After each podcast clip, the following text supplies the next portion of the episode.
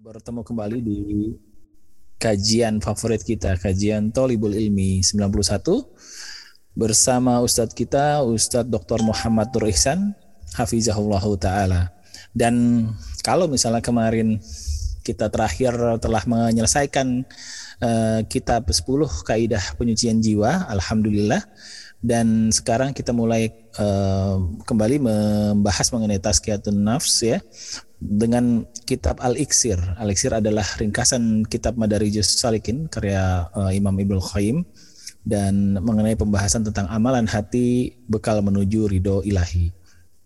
Baik, uh, sebelumnya mungkin adab-adab kajian online jangan lupa ya, tolong nama atau username menggunakan nama yang sudah dikenali, lalu kemudian audio di mute selama kajian berlangsung dan untuk akhwat tolong video dinonaktifkan dan siapkan alat tulis untuk mencatat faedah dari ilmu yang akan disampaikan oleh Ustadz. Jika antum ingin bertanya silahkan uh, posting pertanyaan ke host ya atau moderator atau jika ingin bertanya secara langsung gunakan fasilitas raise hand yang ada di reaction.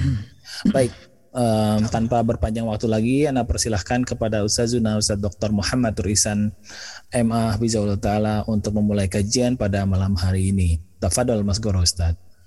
Nah. Bismillahirrahmanirrahim. Assalamualaikum warahmatullahi wabarakatuh. Waalaikumsalam warahmatullahi Alhamdulillah الذي هدانا لهذا وما كنا لنهتدي لولا أن هدانا الله. الحمد لله الذي بنعمته تتم الصالحات. أشهد أن لا إله إلا الله وحده لا شريك له. وأشهد أن محمدا عبده ورسوله. sallallahu alaihi wa ala alihi wa sahbihi wa man sara ala nahjihi wa istanna bi sunnatihi ila yaumiddin. Amma ba'du. Bapak Ibu sekalian kaum muslimin dan muslimat rahimakumullah. Senantiasa kita memuji dan memuja Allah Subhanahu wa taala atas nikmat dan karunia yang tidak terhitung banyaknya. Di antara nikmat yang paling mulia dan karunia yang paling utama yang sedang kita nikmati adalah nikmat menuntut ilmu agama. Kenikmatan taufik dan hidayah sehingga kita senantiasa menuntut ilmu agama untuk memperbaiki hati dan jiwa kita. Ini merupakan nikmat yang paling utama setelah Islam dan keimanan yang Allah curahkan, yang Allah tanamkan di dalam hati yang Allah curahkan nikmat dan karunia tersebut kepada jiwa dan hati kita. Alhamdulillah segala puji dan syukur hanya milik Allah atas segala limpahan rahmat dan karunia atas segala kenikmatan lahir dan batin atas segala kenikmatan, kesehatan, keselamatan, keluarga, anak, keturunan, kedudukan, harta, dan seluruh nikmat yang tidak bisa kita hitung banyaknya. Alhamdulillah, awalan wa akhira wa zahiran wa batinah. Kemudian salat dan salam Mari kita perbanyak ucapkan untuk Nabi yang mulia Nabi Muhammad sallallahu alaihi wasallam. Allahumma salli ala Muhammadin wa ala ali Muhammad. Bapak Ibu sekalian yang dirahmati oleh Allah Subhanahu wa taala. Alhamdulillah pada pertemuan-pertemuan sebelumnya kita membahas 10 kaidah yang berkaitan atau 10 kaidah sebagai ya panduan kita di dalam tazkiyatun nafs. Setelah kita menyelesaikan 10 kaidah tersebut kemudian sekarang kita diberi kemudahan oleh Allah Subhanahu wa taala untuk melanjutkan pembahasan yang berkaitan dengan tazkiyatun nafs. Mari kembali kita bersama-sama mengikhlaskan niat dan mari kita bersama-sama untuk senantiasa bersemangat membenahi hati kita dan jiwa kita. Memperhatikan kondisi hati kita masing-masing yang tentu lebih utama untuk diperhatikan dari kesehatan fisik kita. Kendati keduanya wajib untuk kita jaga dan kita perhatikan. Oleh karena itu, merupakan nikmat Allah Subhanahu wa taala kepada kita semua kita kembali diberi kemudahan untuk mempelajari, untuk membahas dan mengkaji amalan-amalan yang berkaitan dengan hati kita. Jika kita selama ini beramal al-a'mal al-zahirah, amalan-amalan ibadah dan ketaatan yang tampak, yang zahir, solat kita, kemudian puasa, zakat, kiraatul Quran, berzikir, kemudian amar ma'ruf nahi munkar, birrul walidain, silaturrahim, bersedekah, amalan yang bisa kita saksikan dan juga yang disaksikan orang lain. Semoga semua amalan tersebut kita lakukan penuh dengan keikhlasan hanya mengharap keridha Allah Subhanahu wa taala. Kan tapi sebagaimana kita maklumi bahwa ubudiyah ketaatan tersebut bukan saja yang berkaitan dengan amal yang zahir tapi juga berkaitan dengan amal al-batin yang berkaitan dengan ibadah hati kita amalan-amalan qalbiyah amal al-qulub dan hal ini banyak diabaikan oleh mayoritas kaum muslimin. Sementara ibadah tersebut terbagi dua, zahir yang tampak dan yang batin yang tidak tampak, yang tersembunyi, yang berkaitan dengan hati. Dan tidak akan mungkin hati menjadi suci, jiwa menjadi bersih, hati menjadi selamat kecuali hati yang mendapatkan suplemen yang sehat, gizi yang cukup, dan gizi hati tersebut adalah amal, perbuatan, amalan, ketaatan yang berkaitan dengan hati. Oleh karena itu, setelah saya mempertimbangkan dan membandingkan dan membaca komentar para ulama kitab yang bagus untuk dikaji untuk menata hati untuk membenahi jiwa banyak sekali kitab-kitab tersebut saya mendapatkan bahwa di antara kitab yang paling utama mengkaji dalam hal ini adalah kitab Al-Imam Qayyim rahimahullah dalam kitab yang berjudul Madarijus Salikin Baina Manazil Iyyaka Na'budu wa Nasta'in. Ini kitabnya bagus sekalian. Ya. Madarijus Salikin Baina Manazil Iyyaka Na'budu wa Iyyaka Nasta'in. Kitab ini cetakan yang saya miliki adalah Darus Sumai'i yaitu lima jilid kemudian ada lagi indeksnya berarti enam jilid yang masing-masing dari jilid tersebut ya sebesar ini berukuran ya satu jilid 800 ya 804 halaman dan kali lima kitabnya tebal.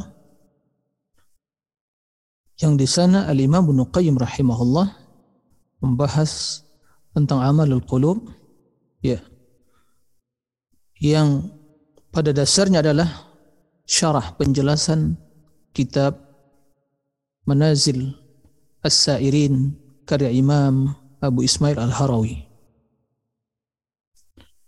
Dalam kitab tersebut beliau menjelaskan berbagai permasalahan yang berkaitan dengan hati, dengan jiwa. Yang dikenal dengan a'malul qulub. Apa saja amalan-amalan hati yang harus kita perhatikan, kita ketahui, kemudian kita berusaha untuk mengamalkannya dengan memohon pertolongan kepada Allah Subhanahu wa taala. Sehingga demikian hati akan menjadi suci. Inilah tujuan, inilah dambaan kita semua itu tazkiyatun nafs. Kita telah mempelajari 10 kaidah ya, yang perlu untuk kembali kita baca, kita pahami kembali, kemudian kita berusaha untuk mengamalkannya. Karena buah dari ilmu adalah amalan. Bapak Ibu sekalian rahimakumullah. Kemudian kitab tersebut diringkas oleh banyak para ulama. Ya. Dan ringkasan tersebut juga ya cukup uh, luas juga pembahasannya dan juga cukup banyak juga ya halamannya.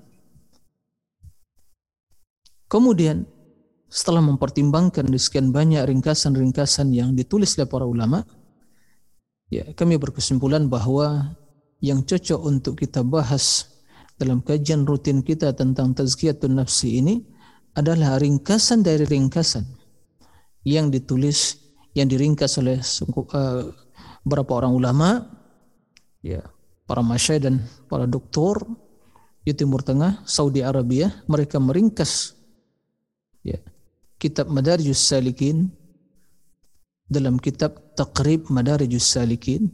Kemudian takrib tersebut diringkas lagi oleh mereka menjadi al-iksir. Ya, al-iksir khulasatu a'malil qulub Ibnu Qayyim rahimahullah. Ini yang akan menjadi ya sumber materi pembahasan kita yaitu al-iksir khulasatu a'malil qulub min madarijis salikin. Ya. Kalimat iksir adalah ya dalam dunia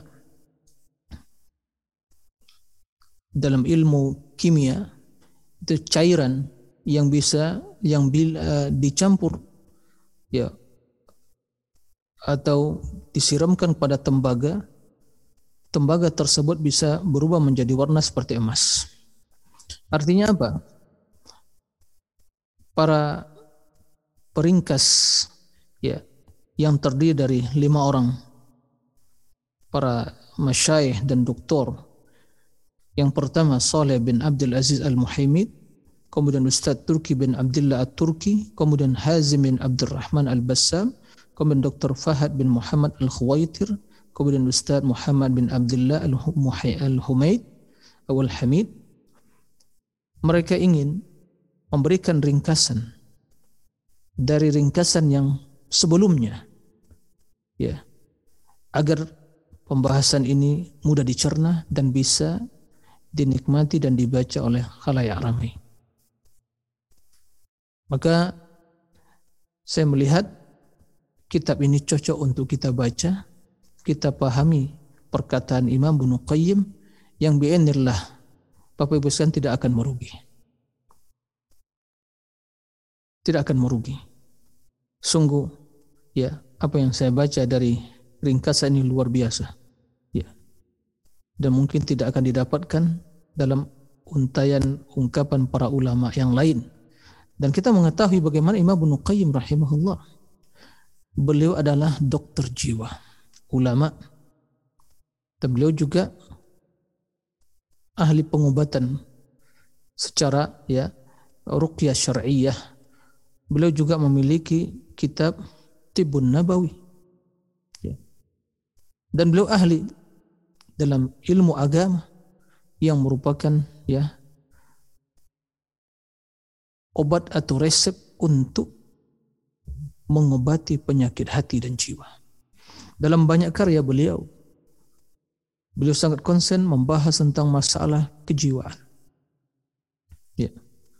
Masalah kulub, masalah hati. Al-Imam Ibn Qayyim rahimahullah, ya sebelum kita membahas kitab ringkasan dari kitab Madarijus Salikin tersebut, jadi Madarijus Salikin, madar itu adalah jalan. Ya. Jalan as-salikin ya, salik orang yang berjalan. Baina manazil iyyaka na'budu wa iyyaka nasta'in. Di antara ya tingkatan-tingkatan ibadah dan isti'anah. Iyyaka na'bud wa iyyaka nasta'in. Jadi ada tingkatan-tingkatan amalan-amalan yang terkandung ke dalam makna iyyaka na'budu wa iyyaka nasta'in. Beliau ingin menjelaskan? Dan ini adalah bekal bagi setiap hamba yang berjalan menelusuri hidup ini berjalan menelusuri siratul mustaqim dalam rangka berubudiyah melakukan ketaatan mempersiapkan bekal menuju Allah Subhanahu wa taala menuju negeri akhirat. Apa saja perbekalan mereka? Tingkatan-tingkatan. Ya. Makam yang harus terpenuhi yang akan mereka lewati di dalam berjalan menuju Allah Subhanahu wa taala. Ada banyak juga ya kita mengenal sejenak ya sosok Imam Ibn Qayyim. Saya akan menyebutkan namanya, kemudian ya sebagian sisi kehidupan beliau dan juga sebagian karya tulisnya.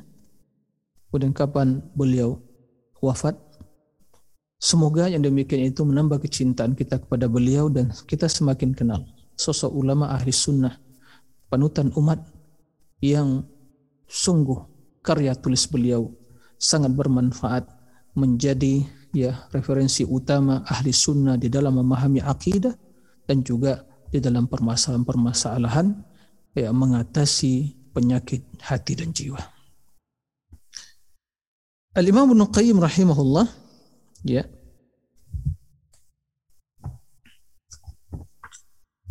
Nama beliau ya kunyanya Abu Abdullah gelarnya Syamsuddin Muhammad bin Abi Bakar bin Ayyub bin Sa'ad bin Huraiz bin Makki Az-Zur'i thumma Dimashqi Al-Hambali yang dikenal dengan Ibni Qayyim Al-Jauziyah. Jadi beliau bermadhab Hambali. Ya. Nama beliau Muhammad bin Abi Bakar. Kunianya Abu Abdullah, gelarnya adalah Syamsuddin. Ya. Dan juga berasal dari uh, Damaskus, Dimashki dan bermadhab Al-Hambali. Ya, madhab Hambali. Yang dikenal dengan Ibnu Qayyim Al-Jauziyah. Ibnu Qayyim Al-Jauziyah. Kenapa namakan Ibnu Qayyim Al-Jauziyah? Karena orang tua beliau yaitu Abu Bakar adalah seorang ulama yang bertanggung jawab sebagai pembina atau mungkin dalam dunia akademik sekarang ini sebagai ya rektor yang mengepalai ya pimpinan sekolah yang dahulu pernah didirikan oleh Imam Al-Jauzi dan itu ada di Damaskus. Maka sekolah tersebut namakan Jauziyah. Nah, Abu Bakar ayah dari Imam Ibnu Qayyim beliau yang bertanggung jawab ya sebagai ya pendidik sebagai mungkin mudir atau dalam dunia kamu sebagai rektor atau pimpinan yang bertanggung jawab terhadap sekolah tersebut. Maka beliau namakan Qayyim Al-Jauziyah. Maka Imam Muhammad bin Abi Bakar dinisbatkan dan dikenal dengan anaknya Qayyim Al-Jauziyah.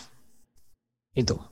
Jadi Ibnu Qayyim al-Jauziyah karena orang tua beliau ya Abu Bakar adalah ulama yang bermadhab Hambali juga sebagai pimpinan sekolah yang bernama madrasah yang bernama Al-Jauziyah madrasah yang dahulu didirikan oleh Imam Ibnu Jauzi yang bermadhab Hambali juga.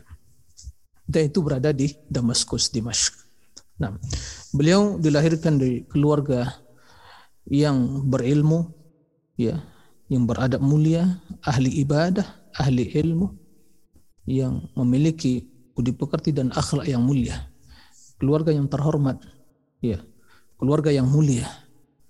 Orang tua beliau adalah ulama besar, saudara-saudara beliau juga para ulama, ya.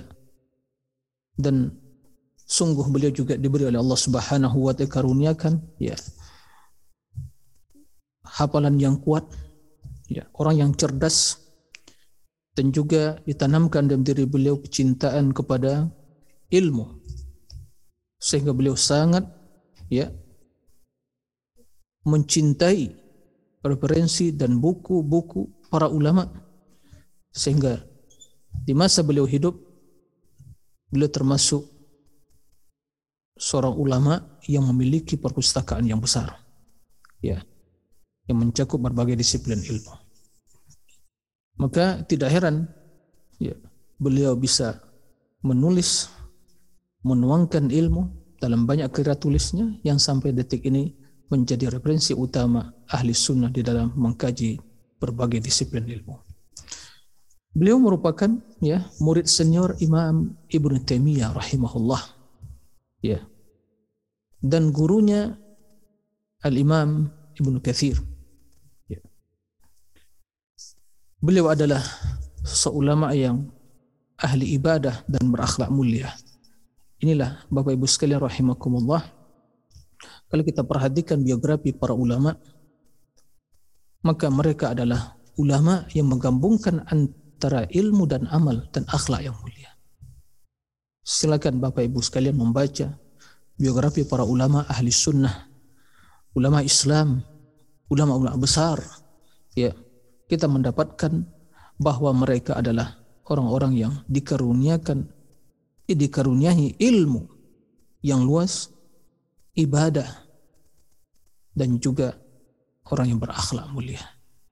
Begitulah kepribadian Al-Imam Ibn Qayyim rahimahullah. Kemudian ya, beliau wafat pada tahun 751 Hijriyah dan dilahirkan ya pada tahun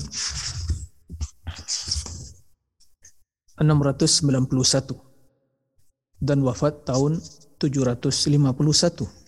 Kenap beliau berumur ya 60 tahun. Meninggalkan karya tulis yang banyak dalam berbagai disiplin ilmu. Di antaranya ya kitab Madarjus Salikin yang menjadi ya sumber utama kajian kita tentang tazkiyatun nufus, amalul qulub dan masih banyak karya karya tulis beliau seperti kitab ya Sawa'iqul Mursalah ala al-Jahmiyah tentang masalah tauhid asma wa sifat yang membantah syubhat-syubhat ya sekte Jahmiyah. Beliau juga memiliki kitab Miftah dari Sa'adah kita Jawabul Kafi ya yang diterjemahkan ya penyakit dan obat ada dawa dan kitab-kitab yang lain ya yang sungguh sangat penuh dengan ilmu adab dan juga pemahaman yang benar dan beliau merupakan salah seorang ulama ahli sunnah yang memiliki jasa besar di dalam menyingkap kesesatan dan syubhat-syubhat ahlul kalam yang mengingkari sifat-sifat Allah atau yang mentakwil sifat-sifat Allah. Yang demikian itu bisa didapatkan di dalam tulisan beliau Sawa'iqul Mursalah. Nah, sebagaimana juga ya guru beliau Imam Ibn Taimiyah rahimahullah. Beliau merupakan sebagian diutarakan tadi murid senior Imam Ibn Taimiyah rahimahullah. Dan beliau juga merupakan ulama murid yang banyak ya, yang besar jasanya di dalam menyusun ya meringkas ilmu yang beliau terima dari gurunya yaitu Ibnu Taimiyah rahimahullah. Bapak Ibu sekalian rahimakumullah, ini ya biografi singkat tentang Imam Ibnu Qayyim rahimahullah. Mudah-mudahan yang sedikit ini ya menambah sedikit pengetahuan bagi kita tentang sosok Imam Ibnu Qayyim yang kita jadikan kitab beliau Madarijus Salikin kemudian ringkasannya sebagai sumber ya materi pembahasan kita tentang tazkiyatun nufus. Bapak Ibu sekalian rahimakumullah. Sebagaimana yang kita maklumi dan di sini saya ingin juga menyampaikan mukaddimah yang ditulis oleh para masyai dan doktor yang meringkas kitab Madarijus Salikin ya. Di dalam mukaddimah tersebut mereka menjelaskan ya setelah mengatakan alhamdulillah alladzi akrama ibadahu bisuluk ilaih. Segala puji bagi Allah yang memuliakan para hambanya bisuluk ilaih berjalan menuju Allah. Dan tafaddala alaihim bima'rifati tariqi was ilaih dan juga memberikan karunia kepada mereka untuk mengetahui jalan wasairi alaihi dan berjalan di atas jalan tersebut.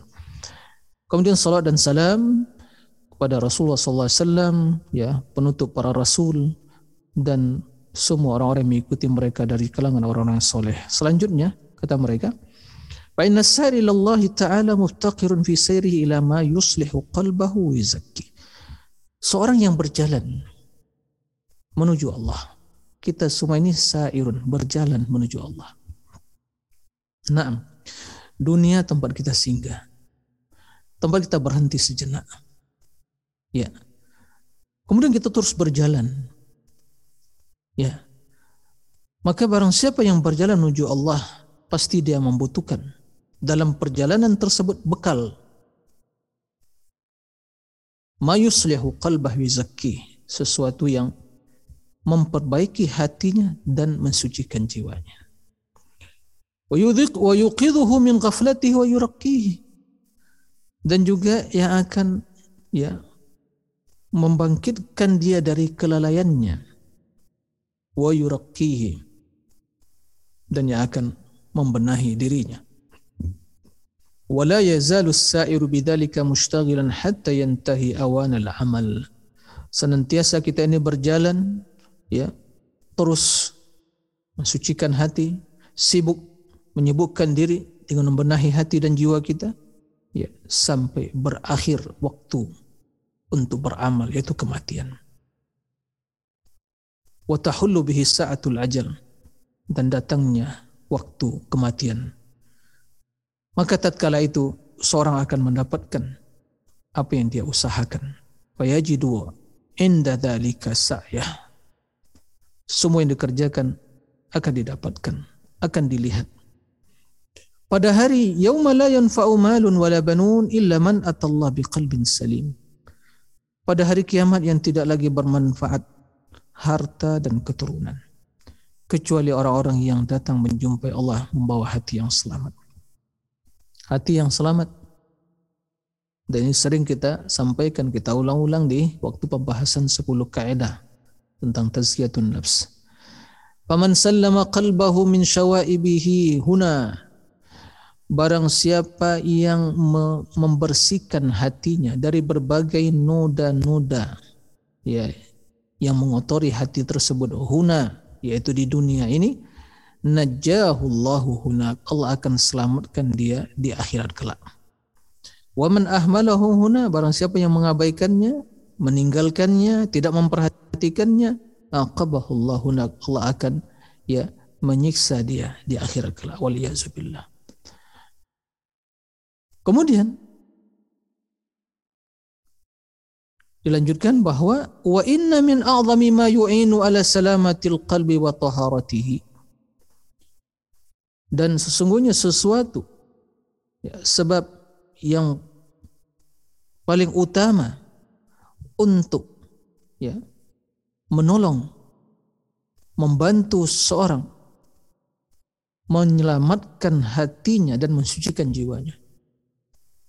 Safara al-qalbi fi kutubir raqai wa islahin nafs. Yaitu perjalanan hati di dalam membaca lembaran-lembaran kitab-kitab tentang raqaiq. Raqaiqul qulub wa islahin nufus dan memperbaiki jiwa. Ya. Bagaimana kita bisa menjadikan hati hati yang lembut, hati yang khusyuk. Ar-raqai. Nah, itu dinamakan dengan kutubur raqai. Kita-kita yang membahas tentang masalah kezuhudan. Yang membahas masalah amalan hati. Membahas masalah penyakit hati. Kemudian memberikan resep dan obatnya. Wa islahun nufus dan banyak sekali ya kitab-kitab ya yang ditulis oleh para ulama dalam masalah ini. Ya. Tikallati khattatha anamilu salafil ummah. Itulah kitab-kitab yang telah ditulis oleh para ya salaful ummah yang menggunakan tinta ya al-kitab was sunnah itu berlandaskan Al-Quran dan Sunnah. Ini perlu kita perhatikan karena juga dari kalangan kaum sufisme mereka juga berbicara tentang tazkiyatun nafs tapi landasan mereka di dalam mengkaji hal-hal tersebut bukan Al-Quran dan Sunnah tapi perasaan pengalaman pribadi mimpi-mimpi ya hikayat-hikayat yang tidak ada landasannya dari Al-Quran dan Sunnah nah adapun ulama salaf mereka menulis tentang tazkiyatun nafs berdasarkan Al-Quran dan Sunnah. Karena sebagaimana yang pernah kita sampaikan dalam 10 kaidah, ya, bahwa di antara kaidah yang harus diperhatikan, bahwa di dalam tazkiyatun nafs kita harus memiliki kudwah, panutan. Siapa itu? Rasulullah Sallallahu Alaihi Wasallam. Beliau yang telah menjelaskan, ya, bagaimana kiat-kiat untuk tazkiyatun nafs. Nah, itu yang diikuti para ulama salaful ummah dari kalangan ahli sunnah wal jamaah Wa min amsali tilkal kutub ahsaniha di antara kitab yang paling utama dan bermanfaat yang terbaik dalam hal ini yang banyak keberkahan ya dan yang bagus kata ya, ya, mereka para ulama meringkas kitab ini kitab Madarijus Salikin. Kitab Madarijus Salikin karya Imam Ibnu Qayyim rahimahullah. Sungguh dalam kitab tersebut beliau ya menulis tulisan yang baik sekali dan penuh dengan ya untayan-untayan hikmah dan pengetahuan-pengetahuan yang mencakup ya keilmuan tentang hati dan jiwa. Bapak Ibu sekalian rahimakumullah. Itu mukaddimah yang ditulis oleh uh, sekumpulan ya para ulama dan doktor yang meringkas kitab Madarjus Salikin yang mereka ringkas lagi dari ringkasan mereka yang sebelumnya itu Taqrib Madarjus Salikin kemudian diringkas menjadi Al-Iksir Khulasatu A'malil Qulub min kitab Madarjus Salikin Imam Ibnu Qayyim itu kesimpulan ringkasan tentang amal-amal hati ibadah hati nah dari kitab Madarijus Salikin. Bapak Ibu sekalian rahimakumullah. Ya. Masih tersisa waktu untuk kita ya menyampaikan sebagian dari uh, kandungan kitab Madarijus Salikin pada kesempatan yang mulia ini. Baik, kita lanjutkan mulai kita ya langsung saja pada pembahasan yang berkaitan dengan muqaddimah perkataan Imam Ibnu Qayyim rahimahullah. Ya. Kata Imam Ibnu Qayyim rahimahullah di muqaddimah ya kitab Madarijus Salikin kata beliau Rabbi yassir wa'in wahai Tuhanku ya Rabb ya yassir berilah kemudahan wa'in dan berilah pertolongan Kemudian beliau memulai kitabnya Madaris Salikin. Alhamdulillahi Rabbil Alamin wal aqibatu lil muttaqin. Segala puji bagi Allah, Rabb alam semesta. Wal aqibatu lil muttaqin. Ya, akibat yang baik itu bagi orang-orang yang bertakwa. Wala udwana illa zalimin. Tidak ada permusuhan kecuali bagi orang yang berkezaliman. Ya. Wa asyhadu an la ilaha illallah wahdahu la syarikalah. Aku bersaksi bahwa tiada ilah yang berhak diibadati kecuali hanya Allah semata. Tidak ada sekutu baginya. Rabbul Alamin, Rabb alam semesta. Wa ilahul mursalin, ilah yang mengutus para rasul. Wa qayyumus samawati wal aradin, yang mengatur, ya, menciptakan dan mengatur langit dan bumi. Wa asyhadu anna Muhammadan abduhu wa rasuluhu al-mab'utsu bil kitabil mubin. Dan aku bersaksi bahwa Muhammad adalah seorang hamba dan rasul Allah yang diutus membawa kitab yang nyata Al-Quran. Al-Fariq bainal huda wal dalal yang membedakan antara petunjuk dan kesesatan. Wal ghayyi wal rasya antara ya kegelapan dan petunjuk wasyakki wal yakin antara ya keraguan dan keyakinan. Nah, jadi Rasul Shallallahu Alaihi Wasallam diutus oleh Allah Subhanahu Wa Taala dengan Al-Quranul Karim menjadi furqan, pembeda, yang pemisah, membedakan antara hak dengan al-batil, kebenaran dengan kebatilan, yang membedakan antara petunjuk dan kesesatan, yang membedakan antara keraguan dan keyakinan. Maka barang siapa yang ingin mendapatkan petunjuk dan barang siapa yang ingin selamat dari kesesatan, Barang siapa yang ingin mendapatkan keyakinan dan selamat dari keraguan, maka hendaklah dia kembali kepada Al-Quran. Apa tujuan Al-Quran diturunkan? Kata Imam Nuqay rahimahullah, Anzalahu linaqra'ahu tadabburan. Allah turunkan Al-Quran untuk kita baca. Tadabburan dengan mentadabur. Membacanya penuh dengan tadabur. Nah mudah-mudahan hari ini kita telah membaca Al-Quran. Bapak Ibu sekalian ya. Hari ini sudah membaca Al-Quran insya Allah ya. Walau sedikit. Ya kendati sedikit. Ra'u mata yassara minhu. Bacalah. Walau ya. Mata yassara minhu. Apa yang mudah. Ya. Yang mudah dari Al-Quran tersebut. Wa nata'ammalahu tabassura. Dan juga kita menghayati merenungi tabassuran. Karena kita ingin mengetahui ingin memahami kandungannya. Wa nas'adu bihi tadhakkuran. Sehingga kita menjadi orang yang bahagia dengan selalu ingat pada Al-Qur'an. Ya tadhakkur Al-Qur'an. Allah perintahkan kita untuk baca Al-Qur'an diperintahkan kita untuk mentadabur ya mentadabur Al-Quran, merenungi Al-Quran, menghayati Al-Quran.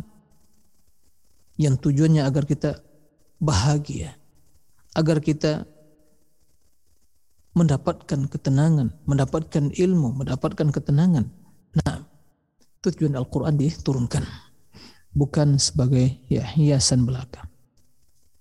Wa nahmilu ala ahsani wujuhi wa ma'ani. Kemudian kita memahami Al-Quran tersebut dengan makna dan sisi pemahaman yang paling utama dan yang terbaik. Nah, wa nusaddiqu dan kita benarkan berita-beritanya. Karena semua yang terdapat dalam Al-Quran adalah wahyu. Begitu juga yang disampaikan Rasul Sallallahu Alaihi Wasallam adalah wahyu. Ya, semuanya benar. Tidak ada yang dusta. Ya, tidak ada yang batil. Maka kewajiban kita adalah untuk memahami Al-Quran pemahaman yang benar. Ya. Memaknai Al-Quran dengan makna yang terbaik. Ya. Karena semua Al-Quran adalah kalam Allah. Dan itu pasti benar. Tidak boleh kita ya memanai Al-Quran dengan pemahaman-pemahaman yang menyimpang sesuai dengan pemahaman kita masing-masing. Nah, wa najtahidu ala iqamati awamirihi dan kita bersungguh-sungguh untuk melaksanakan perintah wa nawahi dan meninggalkan larangan.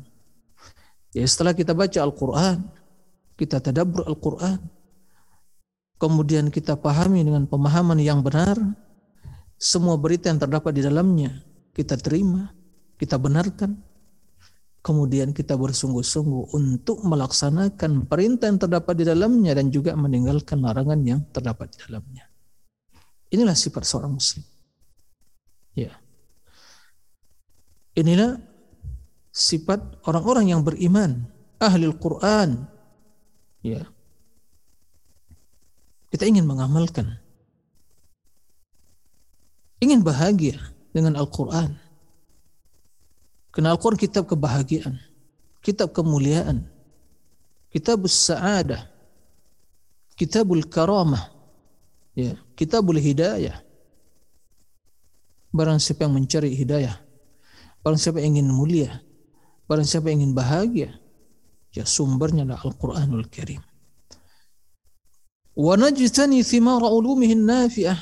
Dan kita memetik buah-buah ilmu. Ilmu yang terkandung, ilmu-ilmu yang bermanfaat yang terdapat dalam Al-Quran.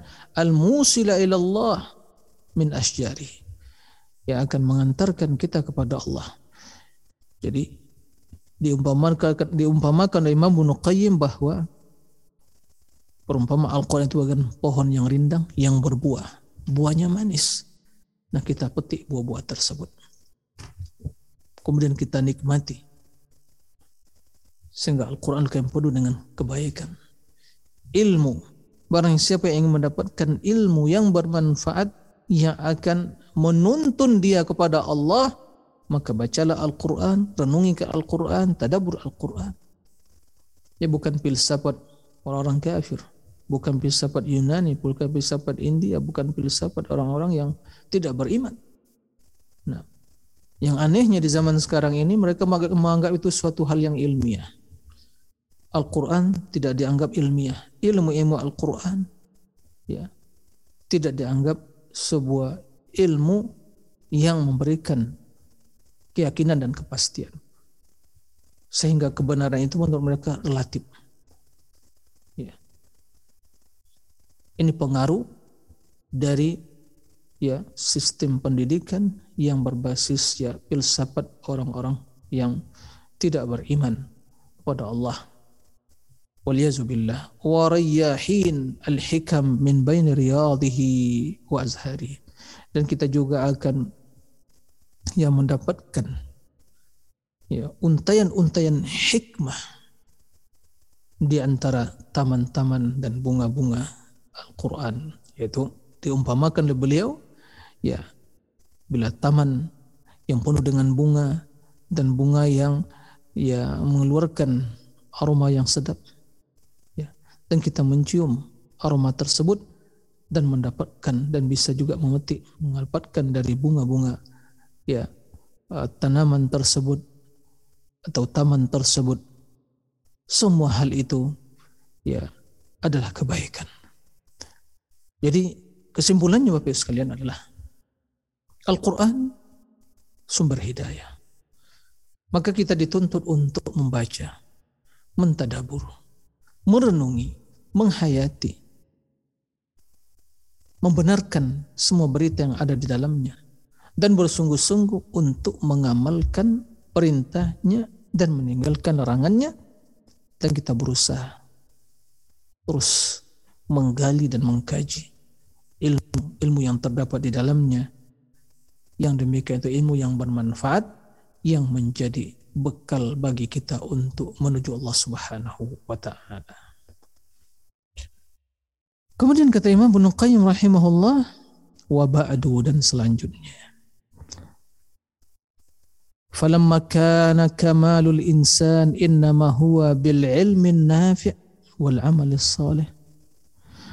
Manakala kesempurnaan ya manusia itu adalah dengan ilmu yang bermanfaat dan amal soleh.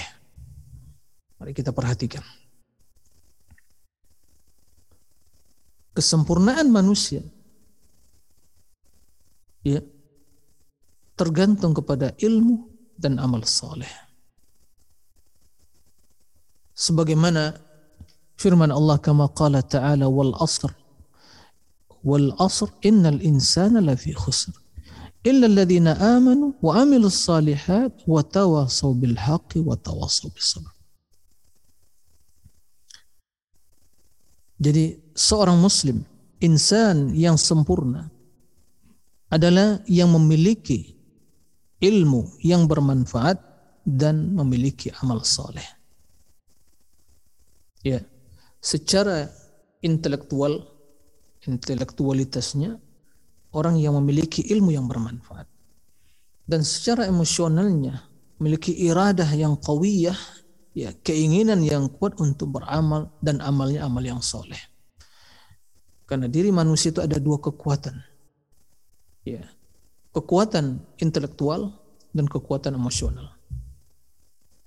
Kekuatan intelektual ya ini yang terus ya me mencerdaskan akal, otak, kepala, ya, ilmu. Dan secara emosional yang terus menanamkan iradah, kesungguhan dan iradah yang kuat tersebut itulah yang mendorong dia untuk beramal. Amal soleh. Allah Subhanahu wa taala berfirman demi masa sesungguhnya manusia lafi khusrin. Sesungguhnya seluruh manusia sungguh berada di dalam kerugian. Tanpa terkecuali. Illalladzina amanu kecuali orang-orang yang beriman. Wa amilus salihat dan beramal saleh wa tawasaw bil haqq wa tawasaw bis sabr. Dan yang selalu saling menasehati dengan kebenaran bis sabr dan juga saling menasehati dengan kesabaran kita semua hafal insyaallah ayat ini atau surat ini surat al-asr Allah bersumpah dengan waktu wal asr. Sesungguhnya seluruh manusia dalam keadaan merugi. Berarti tidak ada yang selamat. Semua merugi. Yang selamat, yang bahagia, yang sempurna orang-orang yang beriman dan beramal soleh. Mereka yang saling menasihati dengan kebenaran dan saling menasihati dengan kesabaran. Bapak Ibu sekalian rahimakumullah. Kenapa Imam Ibnu Qayyim rahimahullah tatkala menyebutkan bahwa kesempurnaan manusia itu tergantung kepada ilmu yang bermanfaat yang dia miliki, kemudian amal soleh yang dia lakukan. Kemudian dia berdalil dengan ayat dengan dalam surat Al-Asr. Ya, bagaimana sisi pendalilannya? Kenapa ayat ini atau surat Al-Asr ini menjadi landasan ya menjadi argumentasi yang menjelaskan bahwa kesempurnaan manusia itu tergantung kepada ilmu yang dia miliki yaitu ilmu yang bermanfaat dan amal soleh yang dia kerjakan. Mari sejenak kita renungi dan perhatikan. Illalladzina amanu kecuali orang-orang yang beriman. Firman Allah, illalladzina amanu kecuali yang beriman. Ini mengandung ilmu yang bermanfaat. Kenapa demikian? Karena keimanan yang diterima oleh Allah adalah keimanan yang berlandaskan ilmu yang benar. Ya. Wa amilus salih dan amal soleh. Jadi orang yang memiliki iman, iman yang berlandaskan ilmu. Ilmu yang benar, ilmu yang diwahyukan oleh Allah kepada nabinya. Kemudian beramal soleh. Dan kedua hal ini adalah kesempurnaan bagi diri manusia. Karena dia yang beriman, dia yang berilmu, dia yang melakukan amal soleh. Maka firman Allah illadzina amanu itu mencakup ilmu. Makanya empat perkara yang wajib dipelajari setiap muslim dan muslimah dalam kitab usul Thalath yang ditulis Syekh Muhammad Abdul Wahab adalah al-ilmu yang pertama. Kemudian amal al-amalu bih Kemudian ada awatu ilaih. Kemudian as-sabr alal adhafi. Mengajak kepada ya kebenaran pada ilmu tersebut kemudian bersabar dalam mengajak kepada kebaikan itu. Ya dalilnya apa? Ya surat Al-Asr ini. Karena bila kita perhatikan Bapak Ibu sekalian, keempat sifat orang-orang yang selamat, orang-orang yang tidak merugi, maka sudah cukup bagi kita sebagai peringatan, ya sebagai teguran, mengingatkan kita sebagai warning, ya dan juga di waktu yang sama sebagai motivasi bagi kita untuk terus melakukan ya amalan yang soleh, beriman, ya kemudian terus mengajak kepada kebaikan dan bersabar agar kita menjadi orang yang selamat, orang yang bahagia. Oleh karena itu Imam Syafi'i pernah mengatakan, seandainya Allah tidak menurunkan kepada manusia kecuali hanya surat ini saja yaitu Al-Asr sudah telah cukup bagi mereka. Maksudnya adalah ayat ini atau surat ini bila diperhatikan secara cermat, secara baik dan ditadabur dengan baik maka telah cukup menjadi ya ala, menjadi landasan dan motivasi bagi kita semua untuk terus mendorong kita menyelamatkan diri dari berbagai kerugian. Itu dengan beriman, dengan beramal soleh, mengajak kepada kebaikan, kemudian juga terus bersabar. Ilmu, amal soleh, dakwah kepada kebenaran, dan bersabar.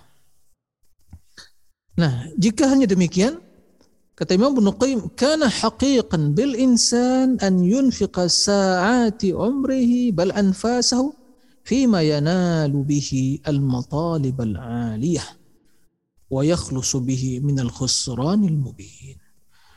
Jika demikian, maka pantaslah bagi manusia untuk ya menghabiskan waktu-waktu dari umurnya bal anfasahu dan napas demi napasnya ya. Ma yanalu bihil matalibul aliyah dalam hal untuk mendapatkan ya tuntutan atau perkara-perkara yang mulia perkara-perkara yang agung. Jadi kata beliau jika kesempurnaan manusia itu tergantung kepada ilmu bermanfaat yang dia miliki dan amal soleh ya jika tidak dia memiliki kedua hal itu atau salah satu dari kedua hal itu maka dia termasuk orang yang merugi.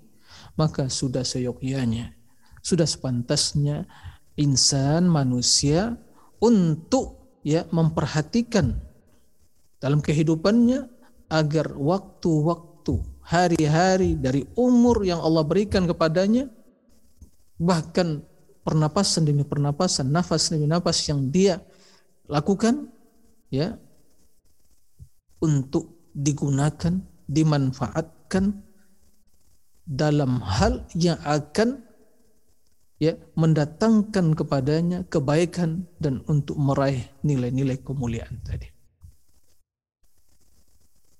Dengan demikian dia selamat dari kerugian wa yakhlusu bihi minal khusranil mubin. Ya, selamat dari kerugian yang nyata. Kemudian kata beliau, bagaimana caranya? وليس ذلك إلا بالإقبال على القرآن وتفهمه وتدبره yang demikian itu tiada lain caranya kecuali al-iqbal al-Quran betul-betul kita ya uh, menghadap bersungguh-sungguh untuk mempelajari Al-Quran, memahami Al-Quran dan mentadabur Al-Quran. Wastikhraji kunuzihi wa itharati dan untuk terus ya me, mengkaji menyingkap rahasia-rahasia hikmah-hikmah yang terkandung di dalamnya.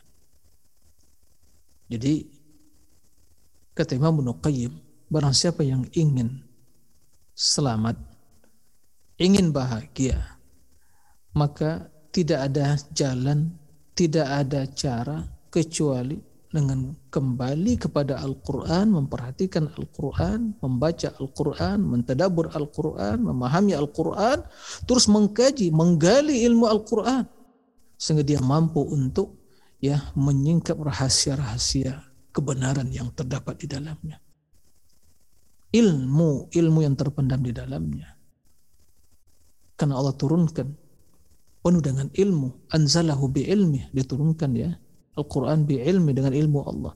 Maka barang siapa yang ingin mendapatkan ilmu Allah subhanahu wa ta'ala maka semua hal itu ada dalam Al-Quran. Wasarfil inayati ilaihi. Betul memperhatikan hal itu. Ya. Wal ukufi bil himmah dan betul-betul dengan semangat yang tinggi untuk terus memperhatikan Al-Quran. Ibad bil ma'ashi wal ma'ad wal musil lahum ila sabilir rasad. Yang demikian itu cukup sebagai jaminan bagi mereka untuk kemaslahatan hidup dan akhirat mereka. Kehidupan dan akhirat mereka. Naam. Al-Quran jaminan. Sebagai pedoman hidup dunia dan akhirat. Makanya Allah Subhanahu al-musil lahum ila sabilir rasul yang akan menggembleng mereka untuk sampai kepada jalan petunjuk. Makanya Allah Subhanahu wa taala menyebutkan dalam Al-Qur'an, "Fa imma ya'tiyannakum minni huda, faman ittaba'a hudaya fala yadhillu wa la yashqa." Kata Allah, apabila datang petunjukku kepadamu, maka barang siapa yang mengikuti petunjukku, dia tidak akan sesat dan sengsara. Sesat di mana? Di dunia dan tidak akan sengsara di akhirat. Tapi barang siapa yang berpaling dari Al-Qur'anul Karim, Bagaimana kehidupannya? Kehidupan yang sempit. Wa man a'rada an dzikri fa inna lahu dhanka wa nahsyuruhu qiyamati a'ma. Barang siapa yang berpaling dari peringatanku yang terdapat dalam Al-Qur'an yang aku turunkan, petunjuk yang aku turunkan, maka mereka kata Allah akan mendapatkan kehidupan yang sempit. Sempit di dunia, sempit di alam barzah dan sempit di alam akhirat. Nauzubillah min dzalik. Dan nanti dibangkitkan dalam keadaan buta. Dia bertanya, Ya Allah, Ya Rabb, dahulu aku bisa melihat. Kenapa sekarang bangkit dalam keadaan buta? Ya kata Allah, dahulu datang ayat-ayat kami, peringatan kami kepadamu, kamu tidak memperhatikan, tidak melihat. Kamu tidak mengindahkan hal itu. Bahkan menolak dan berpaling. Ya pada hari ini kami membalas dengan balasan yang sama, yang setimpal, yang sejenis dari perbuatanmu ya kamu akan dipalingkan dan matamu yang dahulu melihat tidak digunakan melihat kebenaran melihat ayat-ayat kami ya sekarang kami jadikan kami copot mata tersebut dan juga kami jadikan dalam keadaan buta wal billah Nah, kemudian kata Imam Ibnu Qayyim wa nahnu yaunillah nunabbi nunabbi ala hadha bil kalam ala Fatihatil Kitab wa Ummil Quran dan insyaallah kami kata Imam Ibnu Qayyim dengan pertolongan Allah akan ya menyebutkan memperingatkan kepada kita tentang pembahasan ini dalam pembicaraan pembahasan tentang Fatihatul Kitab Ummul Quran ya tentang Fatihah surah Al-Fatihah dan yang dinamakan dengan Ummul Quran. Jadi dalam kitab Madaris Salikin ini dan ini ringkasannya itu beliau menjelaskan terlebih dahulu mengajak kita untuk mentadabbur. Subhanallah. Bersumberkan dari firman Allah surat Ummul uh, Al-Fatihah ya muncul tulisan karya Imam Ibnu Qayyim ya yang berukuran masing-masing lima jilid dan tentunya setelah manuskrip yang ditulis dan dikaji diriset oleh para akademisi ya para akademik uh, naam di Jamiah uh, Qasim di Saudi Arabia yaitu dicetak dalam lima jilid dan masing-masing dari jilid kitab tersebut ya kurang lebih ya uh, eh, 700 atau 800 halaman subhanallah. Subhanallah luar biasa. Nah dan ringkasan yang yang kita bahas ini hanya ya setelah diringkas dari ringkasan sebelumnya itu berjumlah halamannya 200 88 ya 200 ya 70 lah. Karena ada indeks atau ada juga ya pembahasan-pembahasan tidak masuk pada uh, substansi dari kitab yang kita baca. Mudahan bisa kita menyelesaikannya. Kemudian kata beliau wa ala ba'di ma tadammanat hadis surah min hadil matalib dan sebagian yang terkandung dalam surat Al-Fatihah ini dari berbagai ya uh, perkara-perkara wa ma tadammanatu min manazilis sa'irin dan juga apa yang terkandung di dalamnya dari manazis sa'irin yaitu jalan-jalannya orang-orang yang berjalan ya posisi dan kedudukan orang-orang yang berjalan dan ahli ilm yang berjalan menuju Allah Subhanahu wa taala wal farq baina wasailiha wa ghayatiha yang akan juga membedakan antara wasail, sarana, wa ghayat dan tujuan. Jadi mana yang menjadi tujuan dan mana yang menjadi sarana. Itu akan dijelaskan yang terkandung dalam surah Al-Fatihah. Wa mawahibiha wa kasbiyatiha dan juga ya karunia-karunia yang Allah berikan dan usaha yang harus dilakukan oleh seorang dalam berjalan menuju Allah Subhanahu wa taala. Wa bayan annahu la yaqumu ghairu hadhihi hadhihi surah maqamaha dan penjelasan bahwa selain dari surah ini tidaklah ya mewakili tidaklah bisa mewakili penjelasan tentang maqam dan kedudukan yang berkaitan dengan orang-orang yang berjalan menuju Allah Subhanahu wa taala. ولذلك ولا يسد مسدها ولذلك لم ينزل الله في التوراة ولا في الإنجيل ولا في الزبور ولا في القرآن مثله. Oleh karena itu ya begitu ya kandungan yang luar biasa yang terdapat dalam surah Al-Fatihah makanya Allah Subhanahu wa taala tidak menurunkan di dalam Taurat, di dalam Injil, dalam Zabur dan kita-kita sebelumnya ya wala fil Quran di dalam Quran mislaha kitab atau ayat atau surat seperti surah Al-Fatihah.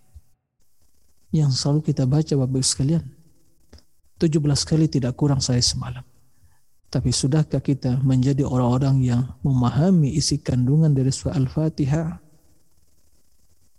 Yang di sana terdapat penjelasan dan rahasia kemuliaan, keagungan, ya tujuan dan wasilah yang menjelaskan kepada kita jalan yang benar dan jalan yang menyimpang yang harus waspadai. Subhanallah. Nah inilah yang akan diungkap. Inilah yang akan disingkap oleh Imam Ibnu Qayyim dan menjelaskan hal itu kepada kita semua biinillah wallahul musta'an alaihi tuklan Allah tempat, kita mohon pertolongan dan tempat kita bergantung wala haula wala quwata illa billah tiada daya dan upaya kecuali dengan pertolongan Allah yang maha tinggi dan maha agung. Ini mukaddimah Bapak sekalian ya. Uh, dari uh, ringkasan kitab Madarijis Salikin. Mudah-mudahan uh, apa yang kita baca tadi dan juga saya berusaha ya menye, apa namanya itu mengutarakannya dengan secara global dari kandungan perkataan Imam Ibnu Qayyim tadi. Mudah-mudahan dari apa yang diutarakan tadi bisa kita pahami dan menjadi sebab yang atau menjadi motivasi bagi kita semua untuk terus belajar, untuk terus menggali Al-Qur'an dan untuk bersemangat karena pembahasan-pembahasan yang akan dijelaskan oleh beliau pada pembahasan yang selanjutnya sungguh ya Bapak Ibu akan mengetahui betapa ya kedudukan Imam Ibnu dan keilmuan yang luar biasa yang beliau ya suguhkan kepada kita semua yang bisa kita baca di zaman sekarang ini. Sungguh ya kebaikan yang luar biasa yang Allah berikan kepada Imam Ibnu Qayyim sehingga kita bisa pada kesempatan kali ini dan insya Allah beberapa pertemuan yang selanjutnya terus kita menggali mutiara-mutiara hikmah yang beliau tulis dalam karya-karya yang luar biasa. Nah, demikian ya mudah-mudahan bermanfaat dan semua kita senantiasa dalam lindungan Allah Subhanahu wa taala. Wallahu a'lam. Masya Allah. Jazakallah khair Ustadz atas pemaparannya nah. dari kitab uh, Al-Iksir ini ya dan merupakan ringkasan dari kitab Madari Jaz uh, Salikin karya Ibnu Ibnu Qayyim Al-Jauziyah. Uh, Ustadz, uh, Ibnu Qayyim atau Ibnul Qayyim pakai alif lam atau tidak? Kalau dinisbatkan kepada Jauziyah itu disebut Ibnu Qayyim Al-Jauziyah. Tapi sekarang uh, sebagian menyebutnya diringkas. Kalau hanya menyebutkan Ibnul Qayyim tanpa Al-Jauziyah maka Ibnul Qayyim. Hmm. Jadi alif lam di sini sebagai tanda bahwa ada yang di uh, disembunyikan atau ada yang tidak disebutkan dari uh, idhafahnya. Karena uh, asal muasalnya adalah Qayyimul Jauziyah. Qayyim Qayyim itu bahasa kita yang sebagai pengawas, sebagai ya, pengelola gitu ya, pimpinan atau yang memperhatikan itu qayyim. Nah, Al-Jauziyah itu nama madrasah. Jadi karena orang tua beliau, ya ayah beliau seorang alim, ulama yang diamanahkan untuk mengelola ya memimpin madrasah yang uh, dibangun oleh Imam Ibnu uh, Imam Al-Jauzi ya, di abad-abad ya kelima Hijriyah dan beliau melanjutkan itu di Damaskus. Maka beliau dinisbatkan lebih dikenal Imam Ibnu Qayyim dinisbatkan kepada ayahnya ya, kepada posisi ayah sebagai pimpinan atau mungkin ya mudir atau mungkin ya kepala di sekolah tersebut atau di madrasah tersebut. Nah, jadi kalau kita menyebutkan Al-Qayyim ya Ibnul Qayyim. Tapi hmm. kalau menyebutkan Jauziyah dihilangkan alif lamnya Ibnu Qayyim Al-Jauziyah. Masya Allah, Masya Allah. Ya, mudhaf mudhafun ilaihi. Begitu. Nah. Baik Ustaz. Dan ternyata jawabul kafi itu sama dengan ada wadawa ya Ustaz ya. Betul. Ya, itu nam sama ya. Kemarin itu ya setelah membandingkan hampir ya Eh, hampir-hampir pilihannya itu jatuh kepada jawabul kafi. Tapi melihat itu lebih banyak mas. Bagus tazkiyatun nafs juga. Dan itu juga pembahasan yang menarik sekali. Ada juga ringkasannya jadi poin-poin penting bagaimana bahaya dosa. Ya karena kalaupun kita baca secara uh, menyeluruh itu juga ya uh, dalam kondisi kita dalam konteks pembahasan yang kita berusaha untuk ya meringkas maka kurang tepat tapi kalau untuk para akademisi mungkin para mahasiswa yang sekarang ya masih dalam tahapan belajar maka cocok sekali gitu. Entah kalau kita buka ya mungkin kampus untuk para dokter. Ya, para dokter-dokter ya. Tapi kan udah nggak mungkin lagi kan begitu. Ya dokter-dokter tidak perlu lagi kuliah kan gitu. Masya Allah, Masya Allah Ustaz. Iya, barakallahu fikum. Baik, barakallahu Ustaz. Baik, nah. uh, anak beralih ke kolom chat ya. Uh, sebelum ya. nanti ke, ada pertanyaan uh, secara langsung. Ini Ustaz ada pertanyaan nah. yang menggelitik nih Ustaz mengenai nah. Ibnul Qayyim. Nah. Uh, ada beberapa uh, ya saya juga pernah dengar juga sih yang mengatakan bahwa sebetulnya Ibnu Qayyim ini berpemahaman sufi sebelum ia bertemu atau menjadi murid dari Ibnu Taimiyah. Apakah hal itu benar, Ustaz? Terima kasih. Nah, uh, tidak diragukan bahwa uh, di waktu masa-masa ya Imam Ibnu Qayyim tentunya hidup di awal-awal perjalanan menuntut ilmu. Karena di Damaskus tidak diragukan bahwa di zaman beliau berbagai disiplin ilmu muncul dan juga uh, kondisi uh, masyarakat sosial masyarakat ya berbagai juga pemahaman dan juga tata cara beribadah dan pola ya tarbiyah dan pendidikan. Nah, pemahaman mansub itu ada, yang muncul. Dan di awal-awal perjalanan beliau, beliau ya juga ya terpengaruh dengan pemahaman yang seperti itu. Gitu ya.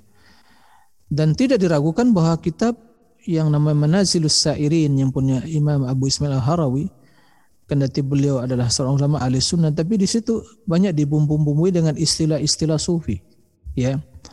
Maka beliau ingin mensyarah kitab tersebut ya dan menjelaskan sisi kebenaran dan juga atau sisi positif dan negatif dan jelaskan dan mengkritik ya dikritik pembahasan atau istilah-istilah yang uh, tidak sesuai dengan istilah Al-Quran dan Sunnah tadi.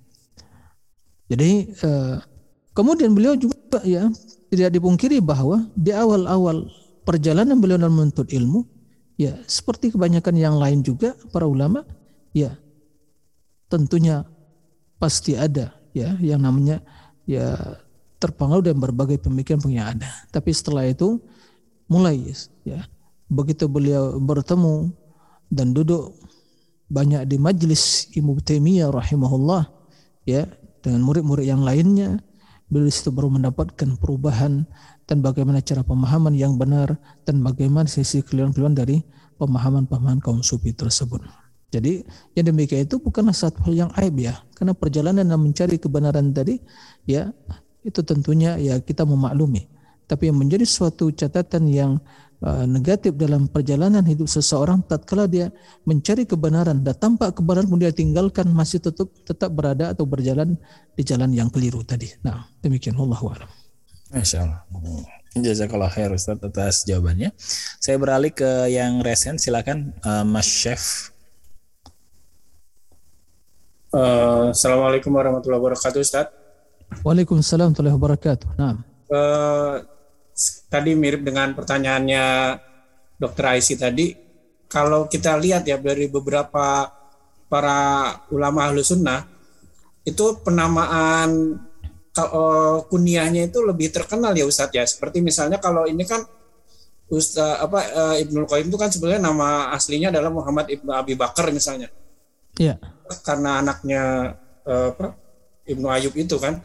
Iya. Kira-kira hikmahnya seperti apa ya Ustaz? Cuma sekedar uh, syukran. Iya. Ya benar sekali ya kalau kita melihat dalam biografi para ulama, ulama-ulama Islam, ulama besar gitu ya, ulama ahli sunnah, mereka itu ya lebih banyak dikenal penisbatan kepada daerahnya, kepada tempat kelahirannya, atau mungkin kakeknya, kan begitu ya, atau seperti itu. Dan itu mengiyak subhanallah ya, hikmah, wallahu alam, Allah tentunya memiliki hikmah dalam uh, Eh, hal yang demikian itu. Mungkin di antara hikmahnya karena ulama ini ya ulama ini telah diakui keilmuannya telah mendapatkan berbagai rekomendasi dan puja dari para ulama sehingga dia telah masyhur di kalangan para ulama ya mungkin Allah Subhanahu wa taala dengan cara lain ingin juga ya kemasyhuran tersebut ya reputasi tersebut mungkin didapatkan oleh mungkin ya orang tuanya. Sehingga begitu disebutkan nama ulama tersebut terbawa secara langsung ya. Tersebutkan ya secara langsung tidak secara langsung juga nama kakeknya atau orang tuanya. Karena sesungguhnya kalau tidak ada kakek atau tidak ada ayahnya tidak akan lahir anaknya kan begitu. Sehingga semuanya mereka mendapatkan ya keberkahan dari keilmuan dan uh, popularitas dan Eh, reputasi yang dimiliki oleh anaknya sebagai ahli ilmu seperti itu. Itu hal yang biasa ya kalau kita melihat dalam nasabnya orang-orang Arab seperti itu ya. Jadi sekarang disebutkan uh, dinisbatkan kepada kakeknya atau kepada ayahnya sehingga secara spontanitas telah ya tersebutkan dan kemuliaan tersebut dinisbatkan kepada yang memiliki keilmuan tersebut dan juga kepada orang tua atau kakek mereka yang berjasa dalam mendidik. Kemudian di sisi lain juga disebutkan kepada negeri ya. Dan juga ada hikmahnya ternyata ya eh, ilmu tersebut tidaklah ya berkaitan dengan nasab atau keturunan tapi lah karunia dan hibah pemberian dari Allah fadlullah yu'ti yasha mereka yang bukan Arab non Arab ya Imam Bukhari ya kan subhanallah dan imam imam-imam yang lain Imam Abu Hanifah bukan dari kalangan Arab tapi Allah Subhanahu wa taala ingin mengangkat orang-orang yang berilmu sebagai bukti kebenaran yang Allah sampaikan yarfa'illahu alladziina amanu minkum wa madarajat. Jadi janganlah kita membanggakan nasab kita, keturunan kita. Nah, yang terjadi di daerah kita atau masyarakat kita terkadang keilmuan itu kedudukan dalam masyarakat itu kadang ya warisan. Padahal dia tidak memiliki sesuatu. Karena kakek-kakeknya mungkin orang berilmu sehingga cici-cicinya menjadi juga ya orang berilmu. Tidak seperti itu. Sehingga uh, muncul pengkultusan di dalam masyarakat kita karena hal-hal yang seperti ini tapi sesungguhnya pengkultusan ya kemuliaan tersebut adalah berdasarkan ilmu yang benar bukan nasab seperti itu nah wallahu alam Masya Allah. Barakallahu Ustaz. Berikutnya uh, pertanyaan di kolom chat dari Fatmi ya. Uh, Ustadz izin bertanya, saya pernah mendengar perkataan bahwa menjalankan perintah itu lebih utama daripada menjauhi larangan Allah. Dan juga pernah mendengar pernyataan bahwa barang siapa menghindari hal-hal yang dilarang Allah, maka ia adalah seorang ahli ibadah. Mohon penjelasannya Ustadz, mengapa kedua pernyataan tersebut seperti kontradiktif? Mungkin saya salah memahami. Jazakallah khair. Baik. Jadi eh, melaksanakan perintah itu lebih utama dari ya meninggalkan larangan. Begitu ya Dokter Aisy pernyataannya. Iya, pertanyaan eh, pernyataan pertama demikian Ustaz. Kedua tadi apa? Yang kedua, dia bilang menjauhi larangan, barang siapa menghindari hal-hal yang dilarang Allah, maka ia adalah seorang ahli ibadah. Jadi seakan-akan menghindari yang dilarang itu lebih utama gitu. Jadi kok kayak kesan kontradiksi gitu kedua hal Iya. pernyataan tersebut. Taib eh, pernyataan ya bahwa melaksanakan perintah itu lebih utama dari ya meninggalkan larangan. Eh, sesungguhnya ya ada sisi benarnya dan juga ada sisi eh, sisi kurang tepatnya begitu. Tidak diragukan bahwa Allah Subhanahu wa taala ya di dalam agama ini syariat ini ada namanya perintah, ada namanya larangan. Perintah ya sebagaimana yang Allah sebutkan wa ma atakum rasul fakhudhu wa ma nahakum anhu fantahu. Berarti ada perintah, ada larangan. Perintah dilaksanakan, larangan ditinggalkan. Kemudian kata Nabi, wa ma amartukum bi syai' fa'tu minhu mastata'tum wa ma nahaitukum anhu fajtanibuh. Apa yang aku perintahkan laksanakan sedaya kemampuan kalian. Apa yang aku, cegah kata Nabi tinggalkan. Nah, ada di sini. Eh, sebagian ulama menjelaskan takdim mendahulukan amar ya perintah daripada larangan ini memberikan makna bahwa karena perintah itu lebih diutamakan. Ya, karena demikian ya, tidak diragukan bahwa melaksanakan perintah tentunya sesuai dengan kemampuan. Tapi dalam melaksanakan meninggalkan larangan itu tanpa dikaitkan dengan kemampuan. Karena meninggalkan meninggalkan sekedar hanya meninggalkan selesai masalah. Ya. Tapi kalau perintah itu membutuhkan eh, namanya istita'ah kemampuan. Maka dari sisi sini dari sisi ya ada istita'ah kemampuan ya maka tentunya pelaksanaan perintah tersebut lebih utama dari sisi ini. Nah, itu makna dari perkataan tadi. Kemudian barang siapa yang tadi ungkapan yang kedua, barang siapa yang eh, meninggalkan eh, ulangi ungkapan yang kedua tadi, barang siapa yang? Sebentar Ustaz. Eh, ya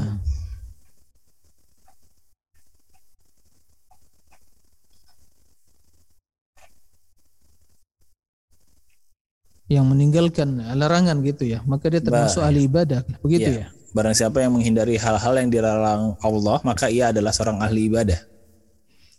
Sebenarnya ya ahli ibadah bukan sekedar orang yang meninggalkan larangan. Bahkan ahli ibadah melaksanakan perintah, melaksanakan larangan.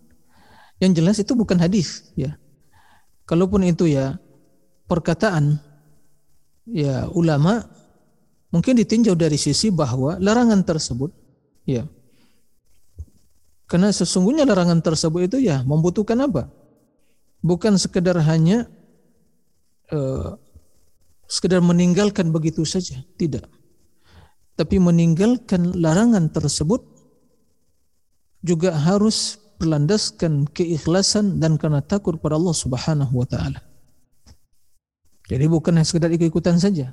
Maka barang siapa yang sampai kepada derajat tersebut dia meninggalkan larangan tersebut. Karena itu betul-betul dia berniat dari hatinya meninggalkan, bukan karena tidak ada kesempatan. Ya. Tapi betul berniat dari hatinya untuk meninggalkan dan dia ikhlas karena Allah. Ya. Sehingga kita mendapatkan bagaimana Allah membalas orang-orang yang ya meninggalkan suatu larangan karena ikhlas mengharapkan ridha Allah bagaimana Allah memberikan kemudahan kepada mereka. Kisah tiga orang ya Bani Israel yang masuk gua. Ya. Dan di antaranya salah seorang mereka adalah mereka atau dia memiliki waktu dahulu dia memiliki atau uh, anak paman yang dia suka kepada anak pamannya, kemudian dia ingin berbuat fahisha, kemudian sementara anak pamannya ingin bantuan, tapi dia mensyaratkan saya tidak akan membantumu kecuali apabila kamu menyerahkan dirimu kepada aku. Hampir dia melakukan ya maksiat atau berzina, kemudian perempuan tersebut mengingatkan ya tidak halal bagimu untuk melakukan hal itu. Kemudian ya pemberian tersebut dia biarkan bersama anak perempuan pamannya tersebut. Dan semua itu dia tinggalkan ya itu meninggalkan perbuatan zina tersebut karena takut pada Allah. Padahal tidak ada orang yang melihat. Maka tidak diragukan. Dalam kondisi seperti ini tentu inilah kedudukan yang luar biasa. Nah maka eh, tidak ada sebenarnya pertentangan karena sesungguhnya yang melaksanakan perintah meninggalkan larangan keduanya adalah beribadah karena ketaatan itu melaksanakan perintah meninggalkan larangan dan perbuatan dosa itu meninggalkan perintah atau melaksanakan sebagian larangan. Nah, demikian Allah. Masya Allah. Barakallahu fikum Ustaz. Ustaz mau uh, Anda mau bertanya nih mengenai yang mukadimah dari uh, kitab ini kan Ibnu Qayyim menjelaskan bahwa untuk supaya selamat dan bahagia itu kita harus kembali ke Al-Qur'an ya. Iya. Nah, itu kan ada ada pernyataan um, saya nggak tahu dari mana ya tapi kayaknya sih bukan hadis ya mengenai Al-Quran lebih membutuhkan as-sunnah daripada as-sunnah membutuhkan Al-Quran. Hmm. Nah, uh, mengapa uh, Ibnu Qayyim tidak mengatakan misalnya kita kembali ke as-sunnah gitu, Ustaz? Taib, ya. Uh, para ulama yang menyebutkan bahwa secara status ya kedudukan Al-Quran dan Sunnah sebagai sumber hukum, masdar hukum, maka mereka menjelaskan bahwa landasan di dalam uh, apa sebagai landasan hukum, landasan kita beragama, ya tidak diragukan bahwa adalah Al-Quran dan Sunnah. Dan ini merupakan ya uh, hal yang sudah merupakan akidah ahli sunnah, manhaj ahli sunnah wal jamaah. Ya, karena Allah perintahkan hal itu, Rasul perintahkan hal itu. Ya. Kemudian secara status, ya karena kita mengetahui dalam Al-Quran Al-Karim terdapat dalamnya perintah-perintah yang secara global, secara umum. Lalu bagaimana kita bisa memahami hukum yang umum seperti yang secara global tersebut? Bagaimana rinciannya? Maka datanglah sunnah menjelaskan perkara-perkara yang umum dan global dalam Al-Quran tadi. Maka dengan demikian Al-Quran membutuhkan penjelasan sunnah. Maka keduanya tidak bisa dipisahkan. Nah, saling berkaitan, tidak mungkin dipisahkan. Karena barang siapa yang beriman kepada Al-Quran wajib bagi untuk menerima sunnah. Ya, karena tidak akan mungkin Al-Quran bisa dipahami dengan benar kecuali dengan sunnah. Banyak perkara-perkara yang secara umum terdapat dalam Al-Quran. Perintah untuk sholat, perintah untuk zakat, perintah untuk berpuasa, perintah untuk haji. Semuanya global. Bagaimana pemahamannya? Pelaksanaannya? Maka terdapat rincian penjelasannya, tuntunannya dalam sunnah, petunjuk-petunjuk Nabi Shallallahu Alaihi Wasallam. Maka dari sisi ini, maka Al-Quran sungguh membutuhkan, sangat membutuhkan. Itu maksudnya. Ya, bukan berarti ya berpegang teguh hanya pada sunnah, tidak. Karena sesungguhnya perintah berpegang teguh pada sunnah, mari kita berpegang teguh pada sunnah. Maka yang dimaksud di sini adalah sunnah adalah agama yang menjadi landasan beragama yaitu wahyu. Ya, maka kembali kepada Al-Qur'an, kembali pada sunnah. Seperti itu. Tapi secara status tadi, ya secara posisi dari Al-Qur'an yang banyak perkara-perkara yang global masalah hukum, maka dijelaskan secara terperinci ya dalam Al-Qur'an. Oleh karena itu yang lebih tepat ya as-sunnah mufassirah lil Qur'an. Begitu ya bahwa sunnah itu menjelaskan ya Al-Qur'an Al-Karim. Nah, seperti itu. Wallahu a'lam. Masya Allah. Jazakallah khair Ustaz atas penjelasannya. Pertanyaan di kolom chat ada yang menanyakan demikian Ustaz. Apakah seseorang yang mudah marah itu menunjukkan hatinya keras? Dan apakah marah itu merupakan godaan setan atau karakter orang itu sendiri Ustaz? Syukran nah. jazakallah khair. Ya. Uh, sepertinya penanya tidak sabar lagi gitu ya untuk mengetahui ini termasuk pembahasan-pembahasan yang akan dibahas ya. di dalam apa ini insya Allah ya. Tapi tidak diragukan bahwa uh, sebagaimana yang kita maklumi bersama bahwa manusia ini sebagaimana ya ada kekuatan ya uh, intelektualnya ada emosionalnya. Emosional ini banyak ya tentunya berkaitan dengan ya marah sedih ya. Kemudian juga yang yang dirasakan di hatinya kan begitu. Uh, semangat nah kemudian sifat marah. Tidak diragukan bahwa ya bila marah ya pada tempatnya bila kebenaran diinjak-injak ya dan uh, Al-Qur'an kemuliaan ya uh, agama dinista kemudian kebenaran diinjak-injak maka seorang dan Allah dihina atau Rasul dihina atau agama maka seorang marah karena Allah sehingga dia berjuang untuk memperjuangkan Allah, Rasulnya, agamanya, syariat Islam. Ya. Dengan cara yang tentunya tidak merusak. Menjelaskan tentang kebenaran, kemuliaan kepada Allah Subhanahu wa taala. Tapi jika seorang ya semua hal itu tidak ya apa namanya itu ya, hanya dia marah sedikit muncul perbedaan dia marah.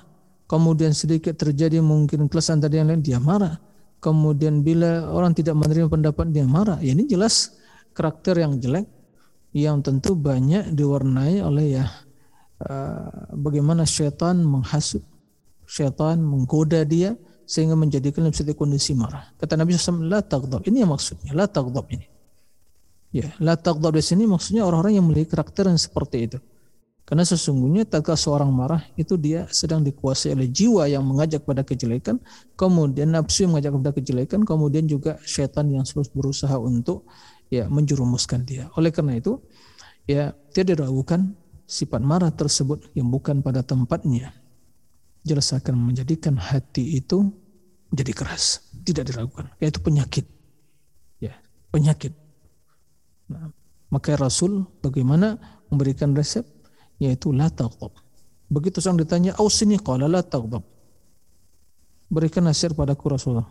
Rasulullah mengatakan, "La taghdab, jangan marah. Jangan marah, jangan marah." Karena Rasul mengatakan karakter orang tersebut orang yang suka marah. Maka wasiat Rasul jangan marah. Begitu.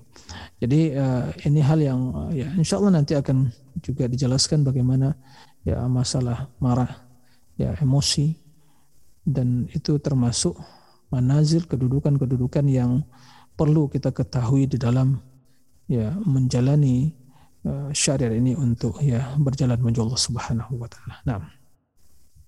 Baik Ustaz, jadi kita mohon bersabar ya dan jangan marah ya untuk menunggu insyaallah topik tentang ya, marah ini. ya, nah, insyaallah. Baik Ustaz. Nah, ini diuji kesabarannya di awal pembahasan ini diuji kesabarannya. nah, Ustaz. Nah. Nah, ini ada pernyata, uh, pertanyaan yang menggelitik Ustaz. Tapi agak hmm. saya rubah nih uh, redaksi yeah. pertanyaannya nih. Nah, Ustaz, apakah kita bisa mendapatkan petunjuk dengan hanya memahami arti Al-Qur'an atau makna Al-Qur'an hanya dengan melihat terjemahan saja? Iya, nah. Masya Allah. Saya harus menyampaikan kedua kalinya, memang subhanallah jadi di antara sisi positif dari pertanyaan-pertanyaan disampaikan tadi, ternyata ya memang para atau jamaah bapak sekalian sudah tidak sabar lagi ya untuk ya mendengar pernyataan dan pembahasan Imam Ibnu Qayyim yang berkaitan dengan masalah di sini akan disebutkan nanti masalah hidayah ya, kandungan di antara Al-Qur'an tadi atau surah Al-Fatihah tadi ihdinas siratal mustaqim, hmm. tingkatan hidayah ya, tingkatan hidayah. Jadi begini, hidayah itu ya pembagiannya itu ada hidayah yang namanya hidayah ammah. Jadi hidayah ammah itu yang berkaitan dengan rububiyah, bahwa semua makhluk ini Allah berikan yang namanya hidayah sehingga untuk kelangsungan hidup mereka. Orang kafir pun mendapatkan hal itu. Ya. Mereka untuk menjalani hidup mereka. Karena Allah yang menciptakan, Allah memberikan hidayah. Alladhi khalaqa fasawwa walladhi qaddara fahada. Allah menciptakan dan menyempurnakan ciptaan kemudian Allah Subhanahu wa taala yang yang uh, memberikan hidayah petunjuk hewan ya binatang. Allah tunjuki bagaimana masing-masing dari mereka untuk menyelamatkan dirinya. Bagaimana mereka ya untuk bisa uh, membesarkan ya menjaga anaknya kan begitu. Seperti itu. Begitu juga bagaimana bayi begitu lahir dia merasakan haus atau sakit malah dia menangis kan begitu. Seperti itu. Kemudian siapa yang mengajarkan dia biasa langsung ya menyusu, ya kan? Enggak ada yang mengajarkan Allah Subhanahu wa taala memberikan hal itu. Nah, begitu juga hal-hal yang lain. Kemudian ada namanya hidayah yaitu at-taufiq. Yaitu yang Allah Subhanahu wa taala menanamkan dalam diri seorang ya Uh, menerima kebenaran petunjuk tadi. Nah, kemudian ada namanya hidayah ad-dilalah wal irsyad. Ini ada kaitan memiliki korelasi. Seorang bahwa sebab untuk mendapatkan hidayah taufik tadi adalah seorang harus menerima mengikuti petunjuk al-bayan, penjelasan, wejangan, ya. Kemudian hidayah. Jadi jika ada orang menyampaikan kebenaran, ya petunjuk al-haq, ya diikuti maka at-taufiq akan didapatkan begitu. Jadi ada korelasi usaha kita sebagai sebab untuk mendapatkan hidayah. Kemudian begitu kita menelusuri, menjalani jalan-jalan untuk mendapatkan hidayah, maka di situ akan ada kemudahan sehingga Allah tanamkan dalam diri kita petunjuk. Begitu. Nanti ada lagi hidayah nanti di akhirat ya menunjuki uh, menggembleng, menunjuki orang-orang beriman untuk masuk ke dalam surga dan juga Uh, menggiring orang uh, penghuni neraka untuk masuk ke dalam neraka waliyazubillah. Nah itu semua dikatakan hidayah. Jadi begitu penjelasannya insya Allah akan kita dapatkan penjelasan secara ya gamblang dan pembagiannya dalam pembahasan kandungan uh, hikmah yang terdapat dalam surah Al-Fatihah biinillah. Nah. Nah, Ustaz. Masya Allah. Ustaz, uh, apakah masih ada waktu? Baik, satu pertanyaan.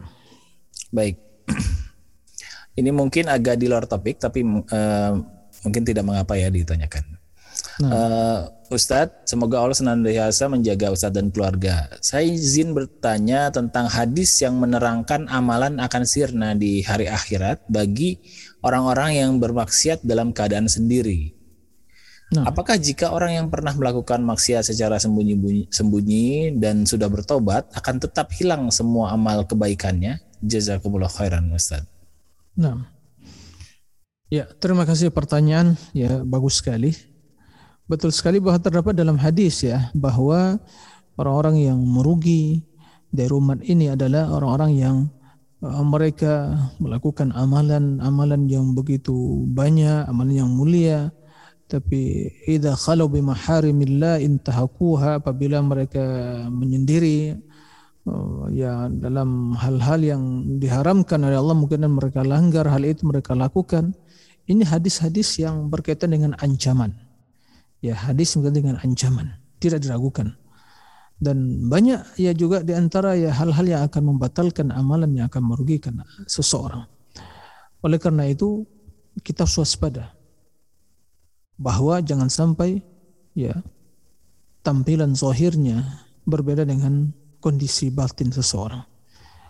Kita harus jujur kepada Allah pada diri sendiri, lahir batin sama, ya tampak dan yang tersembunyi sama, tidak berbeda. Nah, karena sesungguhnya kita beramal tanpa diri manusia juga beramal karena Allah dan kita dalam kesendirian sembunyi itu Allah Subhanahu wa taala memantau dan mengetahui hal itu semua. Tapi sebagaimana yang jelaskan bahwa apabila seorang ya bertaubat dari dosa-dosanya, maka Allah menerima taubat tersebut. Nah, sehingga amalan seorang sebelum dia bertobat atau setelah dia bertobat, maka tetap akan ya Allah kembalikan kebaikan tersebut. Sebagaimana yang uh, jelaskan bahwa orang-orang kafir di waktu mereka dalam keadaan kufur, amalan mereka tidak diterima oleh Allah Subhanahu wa taala. Karena ya dosa kekufuran tersebut atau kesyirikan mereka lakukan telah menjadikan amalan mereka sirna, tidak menjadi sebab penghalang untuk diterima oleh Allah. Jika mereka mati dalam keadaan kufur dan kesyirikan tersebut, ya sirna amalan mereka. Tapi mereka begitu masuk ke dalam Islam, Islam maka amalan amal kebajikan yang pernah melakukan di waktu kekufuran begitu mereka masuk ke dalam Islam maka itu akan Allah kembalikan ya jika hal itu adalah orang-orang kafir yang masuk Islam maka tentu orang-orang yang beriman yang dalam kondisi mereka mungkin ya tergoda oleh nafsu atau syaitan terjerumus dalam perbuatan yang seperti itu kemudian bila mereka bertobat Allah terima taubatnya maka tentunya kebaikan itu akan dikembalikan Allah Subhanahu wa taala. Mayyasha. Nah, demikian. Tapi yang jelas adalah ancaman. Hadis-hadis ancaman yang seperti itu ya kita pahami sekarang zahirnya tapi dalam penjelasannya kita kembalikan kepada kaidah umum bahwa orang yang bertaubat tentu seperti orang yang tidak berdosa, tentu amalannya akan ya Allah tidak akan menzalimi dia. Nah, demikian Allah alam. Nah, Ustaz, jazakumullah khair kasiran atas penjelasannya. Uh, baik, insya Allah nanti kajian uh, Al-Iksir ini uh, akan rutin di Sabtu malam ya. Tadi ada yang bertanya apakah ini rutin? Insya Allah rutin ya Ustadz ya. Insya Allah. Dan info-info uh, mengenai kajian ini akan bisa didapat di WA grup kita ya. Baik Ustadz. Ustadz terima kasih atas uh, pencerahannya dan ilmu-ilmunya yang insya Allah sangat bermanfaat bagi kami dan kita sampai di ujung kajian Tolebel Ilmi FKUI Angkatan 91 di uh, malam hari ini. Uh, kalau ingin murojaah silahkan simak podcast Tolebel Ilmi FKUI, insya Allah akan diupload ke sana, ya bisa lewat uh, Anchor FM atau Spotify, ya. Nanti akan di uh, announce juga di uh, WA Group. Baik. Baik, uh, Anda tutup dengan doa kafaratul majlis. Subhanakallahumma wa bihamdik. Ashadu an la ilaha illa anta astaghfiruka wa atubu ilaik. Assalamualaikum warahmatullahi wabarakatuh. Waalaikumsalam. ارجعي إلى ربك راضية مرضية فادخلي في عبادي وادخلي of deep.